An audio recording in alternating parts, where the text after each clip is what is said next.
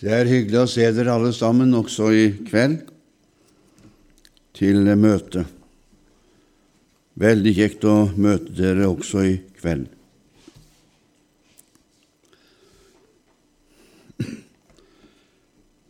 Det er godt å høre også sangene, og det ser ut som det går i én dur. Så i kveld skal vi slå opp i Efeserbrevets første kapittel og eh, annet kapittel, og så skal vi se litt på dette som står der.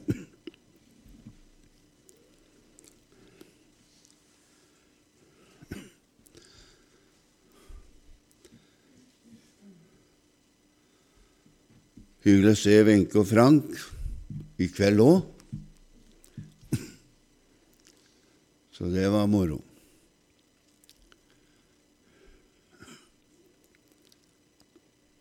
Får vi be at stemmen holder.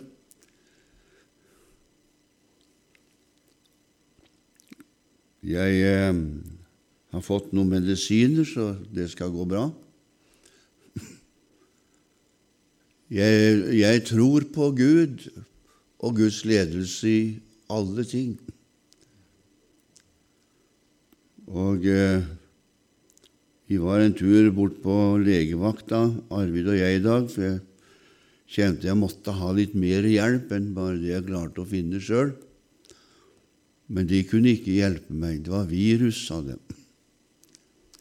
Og når de sier virus, da er, klinger det sånn i øra, da vet de ikke hva det er for noe. Men eh, mens jeg var der, så ringer en god venn av meg. Han er lungespesialist. Og så hører han på stemma mi at Oi sann, du er ikke god i brøstet, sa han. Og han vet hvordan jeg bruker han. Nei, se. Fortalte jeg Å, nei, nei, nei, sa han. Nå går du på apoteket, sa han. Og så ringer du meg når du kommer til apoteket, så skal jeg snakke med hun som står bak disken. Og så skal jeg fortelle henne hva du skal ha. Så jeg dro til apoteket da, og eh, sto utafor der og venta til det var min tur. Og så, når det ble min tur, så ringte jeg igjen. Og så sa jeg nå er jeg min tur, sier jeg, så nå ringer jeg. Så ringte jeg igjen, og så fikk en snakke med hun som sto bak disken, og et lite øyeblikk etterpå så kom hun tilbake med det jeg skal ha, og det virker allerede. Så det er godt at eh, man kommer til de rette folka som, eh, som, som kan dette her og har det. Så det er veldig bra. Så eh, hadde ikke han ringt, så hadde ikke jeg visst hva jeg skulle, men han ringte og lurte på hvordan det sto til. Jeg tror på Guds ledelse også på sånne områder.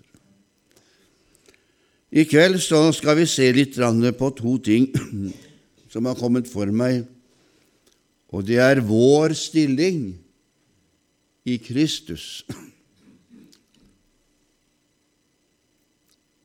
Og så skal vi se om vi rekker å ta med om, om vår nye stilling i det himmelske.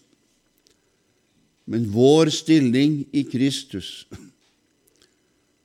Jeg opplever så mange ganger at mennesker er så urolige, for de lurer på hvordan stillingen min er innenfor Kristus.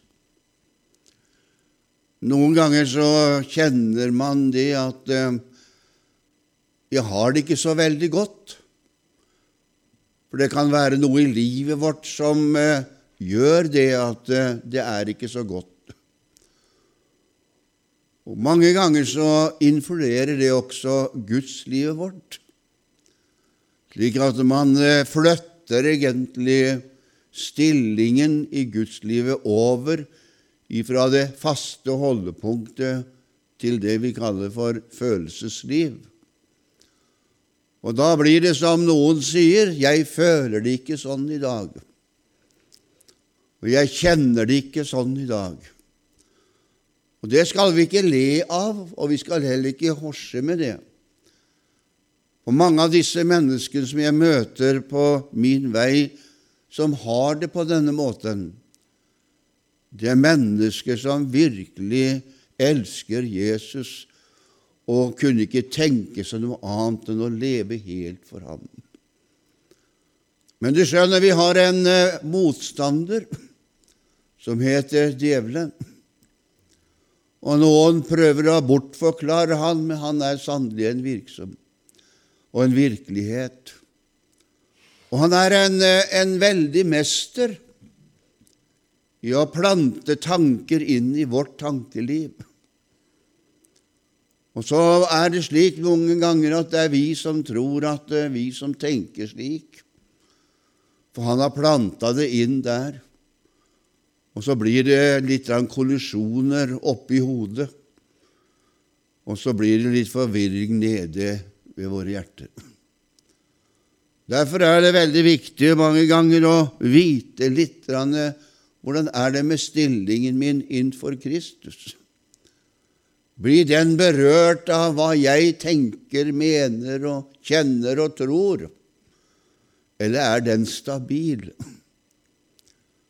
Og Da er det godt å minne hverandre på at innenfor Jesu Kristi nåde fins det alltid stabilitet. Er det ikke herlig?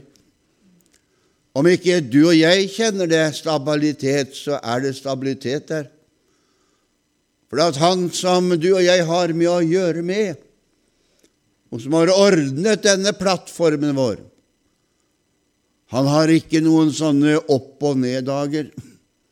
Han er stabil tvers igjennom. Og han er i går og i dag den samme og forblir det til evig tid. Er ikke fantastisk? Så selv om du og jeg kanskje har en mørk dag, for det hender vi kan ha det, har en mørk dag, så har ikke han noen mørke dager.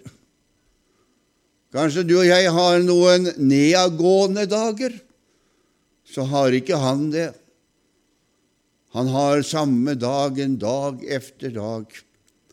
Det samme ordtaket går igjen dag etter dag.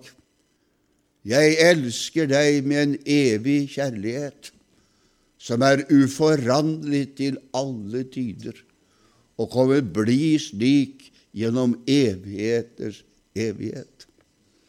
Den kjærlighet som Han har vist deg og meg, og gitt deg meg, den blir ikke annerledes om vi kommer til himmelen. Den blir ikke annerledes om vi kommer hjem. For den kjærligheten Han har utøst over oss og gitt til oss, den kom til å vare gjennom evigheters evighet, like intens og like sterk som alltid, svekkes ikke på noe område vår stilling i Kristus.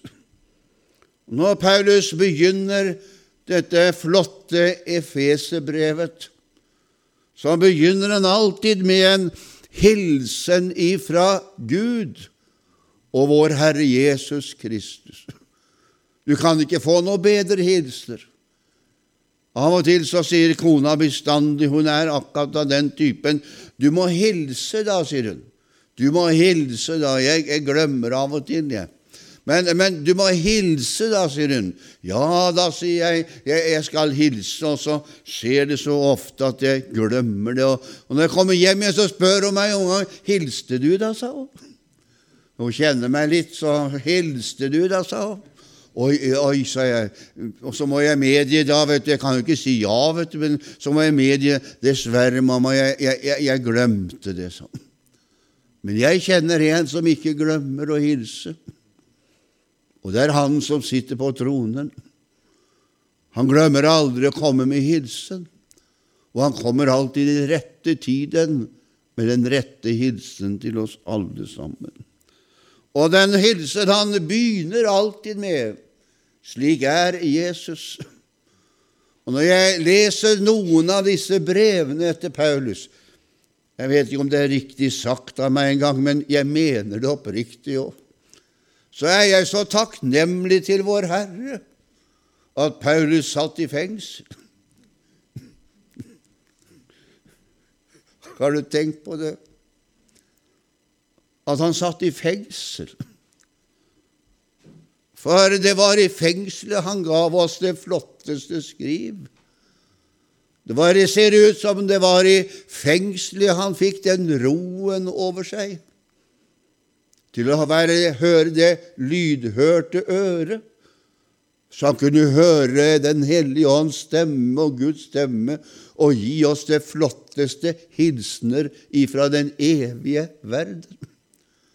Kan du tenke deg Efesebrevet, hvor fantastisk hilsen han sitter og skriver i fengsel, og så skriver han dette brevet. Hvor lang tid han brukte på brevet, vet jeg ikke. Men han satt der, og så hørte han Guds stemme inni fangehullet. Og så begynte han å skrive på dette brevet. Så tenkte han på menighetene rundt omkring som skulle lese disse brevene. Det samme gjorde han med Romebrevet, der han satt i fengsel og gav oss en av de flotteste brever som forklarer hele frelseshistorien på en underbar måte. Romerbrevet, som er selve grombrevet i alt det vi foretar oss. Han satt i fengsel. Det ser ut for meg at gjennom lidelser klarer Gud å skape noe positivt godt igjennom disse, gjennom lidelser. Og når du og jeg ser tilbake på vårt liv Du kan se tilbake på ditt liv. Og så kan du se tilbake kan du si det var i de mørkeste stundene han var virkelig nær. Det var da jeg opplevde han så spesielt. Det var da jeg merket denne hilsenen ifra den evige verden på en helt spesiell måte. Det var når det så mørkest ut for meg, men ikke for han. Han hadde alltid en løsning i de mørkeste stundene. Det er fantastisk. Han begynner dette brevet her med nåde.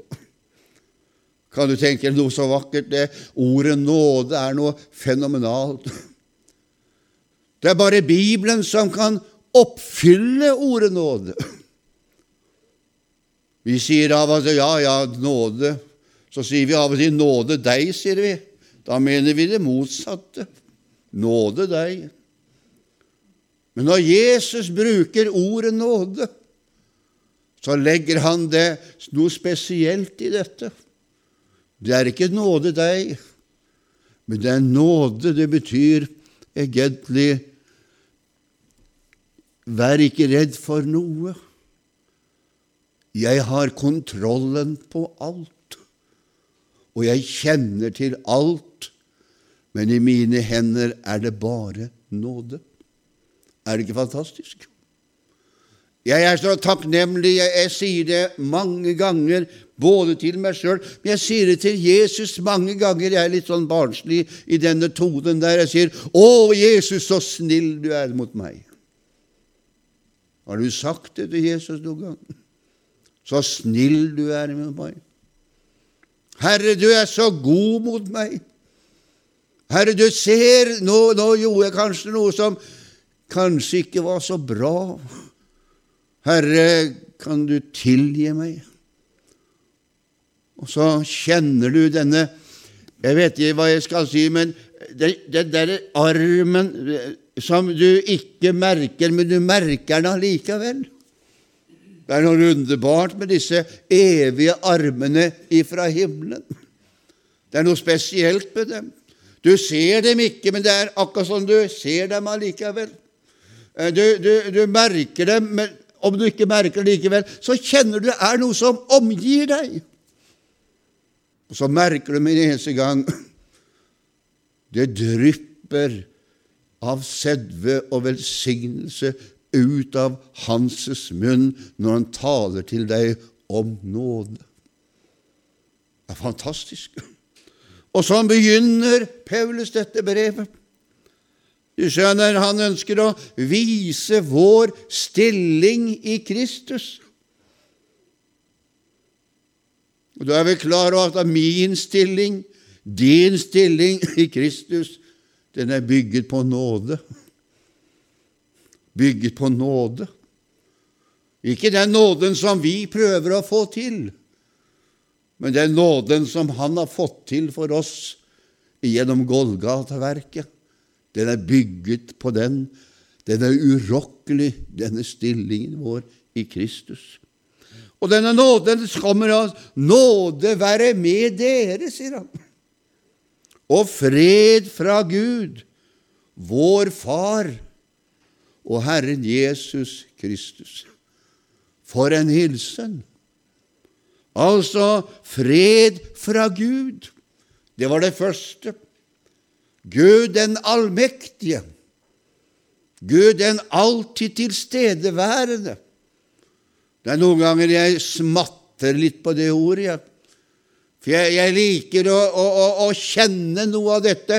Den allvitende, den allmektige, alltid tilstedeværende, som har alltid vært der og kommer alltid til å bli der, som rommer himmelen og jorden. Denne Guden kommer med hilsen til et arme menneske og forteller du har fått nåde hos meg, og du er ikke bare, jeg er ikke bare din Gud, men jeg er også din far. Er det ikke fantastisk? Han vedkjenner seg farskapet. Det er helt fenomenalt. Og så får vi da den slutthilsen ifra vår Herre Jesus Kristus. Og dermed så har vi fått hilsen ifra den guddommelige verden. Så går han videre, og så sier han vår stilling i Kristus som nummer én. Det finner vi i vers 6, 3. Det er lovet være Gud. Og her kommer den allvitende inn i bildet igjen. Den er mektig tilbake igjen. Den suverene. Lovet være Gud, vår Herre Jesu Kristi Far. Han som har velsignet oss. Jeg syns det er underbart bare å lese det. Jeg kjenner at det er godt bare å bli minnet om det gang etter gang. Og Bibelen er på slik en måte en spesiell bok som kan aldri tømmes. Men den er levende. Det var en som sa at den er spell levende, sa han. Og jeg syns det var så fint. Den er levende. Denne boka den er så levende at du kan lese de samme ordene igjen i morgen der du sitter ved frokostbordet, eller om du er på dagen, eller hva du enn gjør, og så kjenner du ordet er så levende at det fornyer deg til og med i morgen, og skaper det det nevner, og gir deg et håp også for dagen i morgen om vi lever i den, er fantastisk med disse ordene. En fenomenal bok. Det hender av og til at jeg leser noen bøker. Og Nå har jeg plukka fram noen bøker igjen. Jeg var på loftet og så henta fram noen bøker. Så når jeg fant jeg denne boka av Minos Det er ringt for tredje gang nå. Så skal jeg sette meg ned og skal lese den om igjen og om igjen. Jeg ønsker å fòre meg litt med det de skrev, de der som er gått bort. Men det er bare det at jeg har lest den boka, så er jeg egentlig ferdig med den. Da har boka gjort sin virkning. Da er de så ferdig med den, og da legger en tilbake igjen på loftet. Svigerdatter har laga et bokesystem eh, system oppå loftet, så jeg kan finne bøkene mine oppå loftet. Vi har hundrevis av dem. Har laga system. Da kan jeg legge den tilbake igjen. Så sier jeg til barna mine noen ganger dere må gå på loftet og finne noen bøker som bygger opp deres tro. Kan hjelpe dere litt. Da legger den der. Da er jeg ferdig med, med denne boka Jeg ble jeg ikke ferdig med. Det er forunderlig med denne boka. For han som har skrevet denne boka, selv om han eh, fikk hjelp av en del mennesker, for Gud må alltid ha hjelp av noen mennesker som er villige til å stille seg i gapet, og det er slik i dag som det var til alle tider. Gud er avhengig av mennesker, av deg og meg, som stiller seg disponibel for det levende Gud, så vi blir brever lest av mennesker rundt omkring oss. Den blir du aldri ferdig med, og den er like ny hver eneste morgen. Det var ikke noe rart i at eh, disse her menneskene som var på vandring ute i ødemarken, der ute i Sinai-ørkenen Jeg skal si det var ikke så veldig mye å skryte av. De fikk mat hver eneste morgen sammen med duggen. Du les, hørte hva jeg sa? Sammen med duggen. Hva er duggen for noe? Jo, det er vannet. Duggen er det livsviktige som holder liv på tross av. Og der i den duggen der lå det noe som Bibelen vi kaller det for manna. Og når de prøvde å, å, å, fange opp den duggen eller den mannen eh, for å ha den litt i reserve til neste dag, så, så hjalp ikke det. Den var råtten, da. Du skjønner, du får ikke Guds ordet på forskudd for dager framover sånn, så du tror du kan lagre og si at 'nå har jeg lest så lenge at nå kan jeg bruke det framover'. Nei da. Guds ord er ny hver eneste dag. Hver dag så har du noe nytt i Guds ord hele tiden. Visst kan du lagre Guds ord i tanker og sinn. Visst kan du lagre bønner i tanker og sinn, og i gullskåler, som Herre sier. Men du kan ikke leve på gamle minner. Det går ikke an å leve på det. Du kan, du kan huske på det og glede deg over, men du blir ikke mett av det. Men det du blir mett av, det er å få en hilsen ifra Gud, en mannaklump ifra Gud hver eneste morgen. Den kommer du til å leve på, for den holder nemlig til dagens rasjon. Gud vet hvor mye du og jeg trenger hver eneste dag. Vår stilling og da begynner Paulus på denne måten. Vår stilling i Kristus, den er velsignet, sier Paulus. Er det ikke herlig? Den er velsignet. Han begynner der. Den er velsignet, og så sier han den er velsignet med all åndelig velsignelse i himmelen i Kristus. Det er vår stilling. Kan du tenke deg noe velsignet å være velsignet. Det gir oss frimodighet til å gå like inn til Faderens trone. Å, fantastisk! Og den velsignelsen som Gud har gitt deg, den stilling du står i, den kan ikke forandres. Den kan ikke overprøves. Den kan ikke forkludres. Du husker sikkert i Gamle testament om Biliam. Denne spesielle mannen som Ja, noen sier at han var profet, men Bibelen sier at han var spåmann, da. Men djevelen har vel noen profeter, han òg.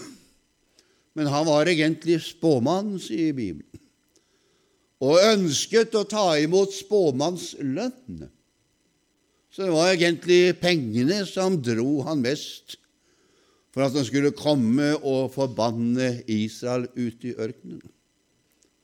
Og det som eh, var når det gjaldt Israel, det var at de var helt uvitende om situasjonen.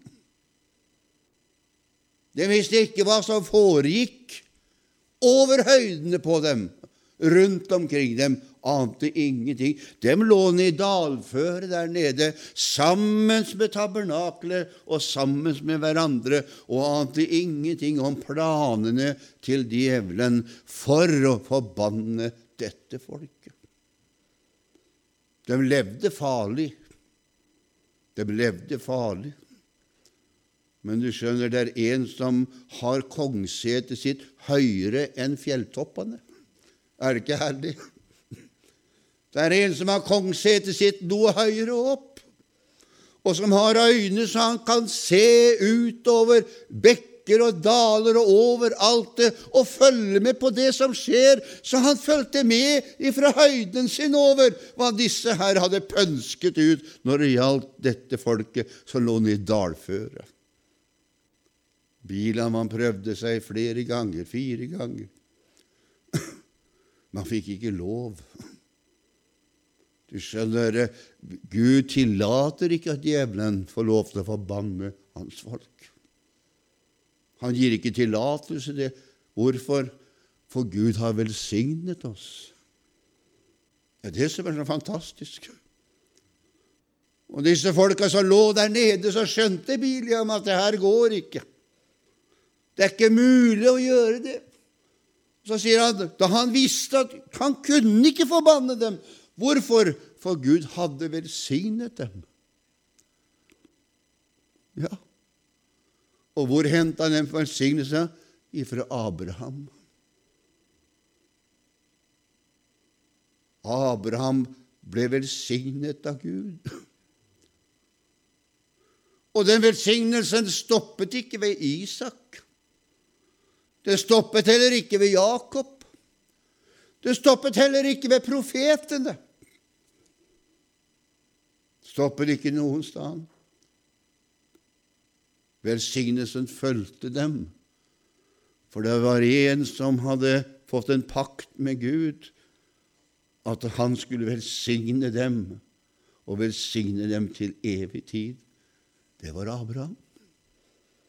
Og Gud har velsignet oss gjennom én. Gjennom én. Og han heter ikke Abraham, og han heter Jesus. Han har velsignet oss gjennom Jesus. Og derfor kan han ikke omstøte det. Du husker mederen og Persen lov. Du husker denne Daniel som styrte i disse her provinsene i Babel under den regjeringstiden. Han kom i unåde med sine arbeidere, likesindige, disse åndemanerne, de kalderiske åndemanere. Disse skulle ha greie på både nåtid og fortid og framtid. Han kom i unåde fordi at han ba til den levende Gud. Nå sier han det, kom dem til kongen og sa, kan du utstede en lov? Og du vet at hvis du utstetter loven etter medisk og persisk system, så kan han ikke kalles tilbake. Den er urokkelig. Og så gjorde han det i all vannvare. Han ble lurt, kongen. Han hadde ikke tenkt å lage en sånn lov, men han, han ble rett og slett lurt til å lage en sånn lov. Og når han hadde lagd den loven, og den styrtet ut, så fant de jo Daniel, som ikke tilba kongen, men tilba kongenes konge isteden. Og han måtte inn på teppet til den kongen. Da står det da ble kongen sorgmodig. Nå skjønte han hadde blitt lurt, han. Så han prøvde å drøye dette helt fram til kvelden, og disse herre pressa på og pressa på. Hør hva du kan ikke trekke tilbake, du er nødt til å utføre det. Daniel må i løvehulen. Han prøvde så langt han kunne. Og når Daniel måtte i løvehulen, så satte han til med seil på den for at ikke noen kunne forandre at Daniel var der, eller kunne gjøre han noe vondt der nede. Og så satt han oppe hele natten. Han våket hele natten. Han lot ingen komme inn til seg hele natten. Han satt og ba hele natten. Og på morgenkvisten kom han. Daniel har din Gud, den Gud som du tror på. Har den, har den virkelig klart å, å, å, å, fri deg fra løvenes munn? Ha, ha, lever du, ja? Lever du, Daniel? Ja, sier Daniel, jeg lever. Jeg lever. For jeg hadde ikke gjort noe vondt. Hvorfor? Daniel var inn under velsignelse. Han var inn under velsignelse. Han var velsignet av Gud.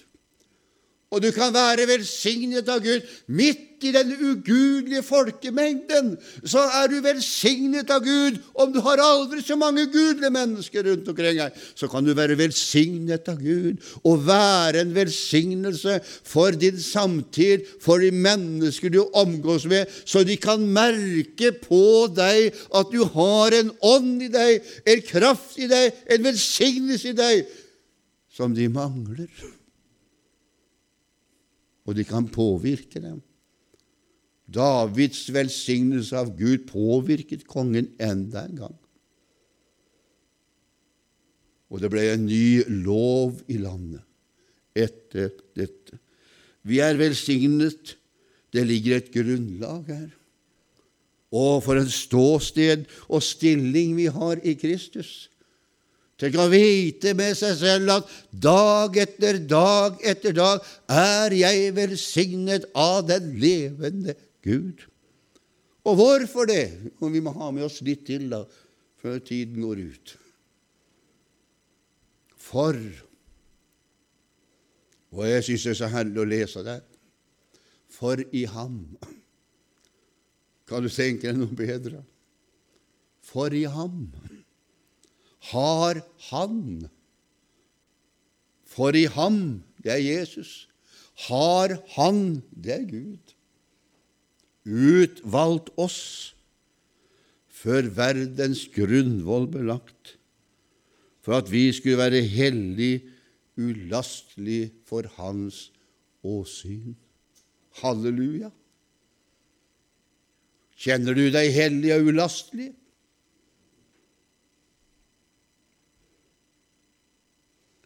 Ja, er du under velsignelsen, er du hellig. For Gud er hellig, og da er også det som er født av Gud, hellig. Du må ikke dra denne frelsen din og nye fødselen din noe lavt ned. Du må løfte den opp i stedet, for Gud er hellig. Og du er hellig, for du er av Gud. Du er Guds barn, og da er du hellig også. Og Gud har sagt at han er ulastelig. Ja, da er du også ulastelig. Er det ikke fantastisk?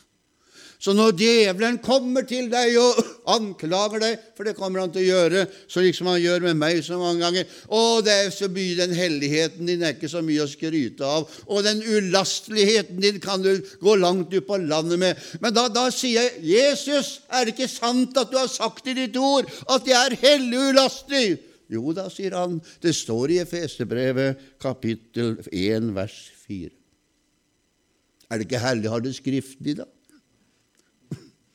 Jeg syns det er godt å ha det skriftlig, for da kan de ikke gjøre noe med det. Det er et lite vitnesbyrd. Jeg kan bare legge det opp fram. Jeg har det skriftlig. Vi er hellige og ulastelige for Hans åsyn fordi at vi er Hans barn, og Han har gjort oss hellige. Han har gjort oss ulastelige, og det har han gjort det gjennom Jesus Kristus, vår Herre og vår Gud. Halleluja. Nå kjenner jeg så velsigna glad, for det virker, for det er hører med til oss. Kan vi ta litt til, da? Så sier han eh, videre i neste vers, i vers 5, så sier han i kjærlighet, sier han. Du følger med på lista? I kjærlighet, sier han. Han sier ikke av at jeg hadde nødt til. Ja, ja, jeg må vel nødt til, da. Ja, men han sier ikke det i kjærlighet, sier han. Det er et helt annet grunnlag, det, skjønner du, enn å ha nødt til. Ja, jeg, jeg må vel nødt til å være glad i hun, da.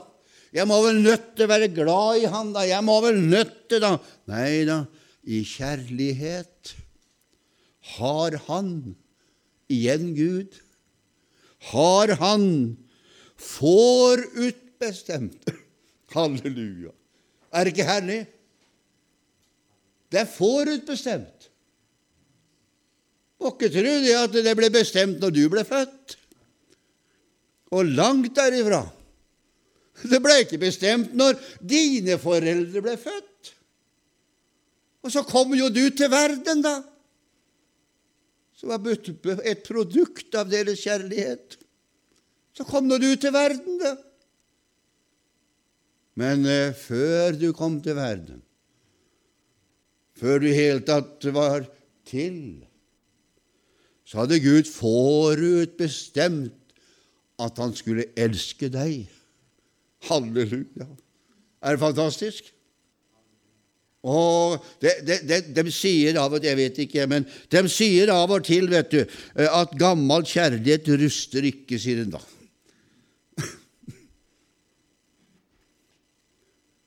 Det hender av og til. Jeg husker jeg har en god venn. Han hadde følge med ei jente, og så ble det slutt. Og De gifta seg på hver sin kant og, og hadde det bra, sikkert på hver sin kant. Jeg tror de hadde det veldig bra på hver sin kant. Men de var uheldige begge to, for begge mistet sine ganske tidlig. Begge mistet. Den ene mistet mannen sin i kreft. Den andre mista kona si i kreft. Så ble de gående der. Men det var noe gammelt som dukka opp. Det Er ikke noe rart? Det var noe gammelt som dukka opp. Så han, han som hadde mista kona si, han ringte til det gamle som hadde dukka opp. Som hadde dukka opp som eh, Jeg husker dem, jeg var sammen i ungdomsårene. Dukka opp. Når han ringte til hun som hadde dukka opp i tankene i livet, som viser at hun hadde samme tankegangen. Hun hadde, han hadde dukka opp oppi hennes, og det ble giftermål. Og det er ikke så lenge så gifta de seg. Gammel kjærlighet ruster ikke, sa svogeren etterpå. Dessverre så døde hun i kreft, hun også, for ikke så lenge siden. Men du, den kjærligheten her, den dør ikke bort. Den mister du ikke. Den blir ikke borte fra deg. Den blir der hele tiden. Denne kjærligheten som han har forutbestemt at vi skulle få barnekår hos seg, den blir der hele tiden, for den kjærligheten er bygget på Jesu Kristi frelsesverk alene. Er det ikke fantastisk? Og jeg syns det er fenomenalt. Hans vilje. Og hvorfor sier jeg frelsesverk alene? Jo, fordi at det var Guds vilje, det at Jesus skulle dø på et kors for vår skyld. Ikke for sin skyld, men for vår skyld. Så måtte Jesus dø på et kors. Jeg husker mamma min hun satt vi, Hver eneste kveld så hadde vi bibelundervisning hjemme. Mor var en sånn type, hun var aleine som enke, og, og, og, og, denne boka ble egentlig hennes, hennes bok. Og han som var i denne boka, ble hennes ektemann. Og han som hadde diktert denne boka, ble hennes far. Og det tok hun bokstavelig. Det tok hun bokstavelig. Så sa hun til Gud en dag, 'Åssen skal det gå med barna mine', da, sa han. For det er du som har tatt meg fra meg mannen, sa han. Ja, han var jo det. Det var jo Gud som hadde tatt ifra henne mannen etter syv år ekteskap. Så gå med barna mine, sa hun. Jeg er de farløses far, jeg og enkes trøst. Og er du det, sa hun, da har du tatt ansvar for mine barn, så. Da er det ikke mitt ansvar lenger, men det er ditt ansvar. Da tar jeg dem av mine skuldrer, og så legger jeg dem over på deg, for du har sagt at du er min ektemann. Det blei sånn. Hun hvilte i det. Og så spør du kanskje jeg ba hun ikke mer til Gud om oss. Å ja, skal jeg si, hun ba til Gud for oss hver eneste dag, for jeg var en liten sånn uskikkelig type som, som hun ba mest for. Hadde mest omsorg for. Hun sa det flere ganger til meg. Du skjønner, djevelen hadde så mye arbeid for å få deg vekk ifra For jeg visste at du skulle ut med evangeliet, skjønner du, så. Og det visste jeg helt fra du var åtte år. jeg sa. Og djevelen hadde så omsorg for å få deg vekk ifra kallet ditt, og jobba alt han kunne, sa, og prøvde å ta livet av deg. Han prøvde alt mulig, sa. Så jeg ba til Gud for deg at Gud, skulle, at Gud skulle holde sin hånd over deg i alle situasjoner. Hun fikk bønnesvar, hun. Men samtidig så hvilte hun, for han var hennes far og hennes ektemann. Det er fantastisk barnekår hos seg ved Jesu Kristi etter sin frie viljes råd. Tenk at Gud har ordnet det slik. du. Og denne Gud, denne Jesus, han er vår. Han er vår, han er din. Han er din. Og nå som jeg er såpass gammel nå, da, at jeg har både fått barn og barnebarn og oldebarn, så må jeg legge alle disse inn for nådens trone. Jeg har fått et ord jeg, som jeg hviler på. Ja, ber du ikke lenger for dem? Jo, hver eneste dag. Har du ikke omsorg? Å, hver eneste dag. Jeg ser etter livet deres nesten hver eneste dag. Jeg, jeg, jeg, jeg kikker og, og, ser etter. Og hvis jeg syns det er noe som skurrer av og til, så er jeg ikke bedre når jeg er borte, og så pirker jeg litt og snakker litt med dem. I forsiktighet. Men jeg har fått et ord som jeg hviler. Du og ditt hus skal bli frelst. Det er et ord.